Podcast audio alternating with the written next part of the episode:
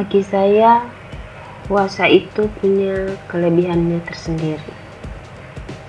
Seperti pada maknanya, puasa tidak hanya menahan diri dari lapar dan haus, tapi juga menahan diri untuk berbuat yang tidak-tidak.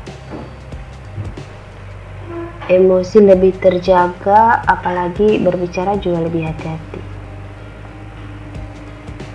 Mata ikutan memilah dan memilih. Karena bila di hati sudah terniat akan lebih mudah nantinya. Untuk menjadi biasa menjalaninya memang harus dipaksakan minimal satu kali dalam seminggu dan minimal tiga kali dalam sebulan.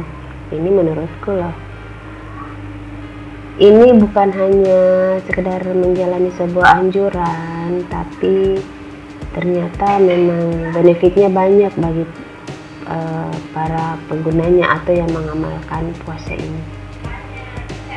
Dan saya sendiri akhirnya menjadi mengerti betapa luar biasanya kebiasaan ini untuk kehidupan sehari-hari. Terus katanya mau realistis ini sudah realistis.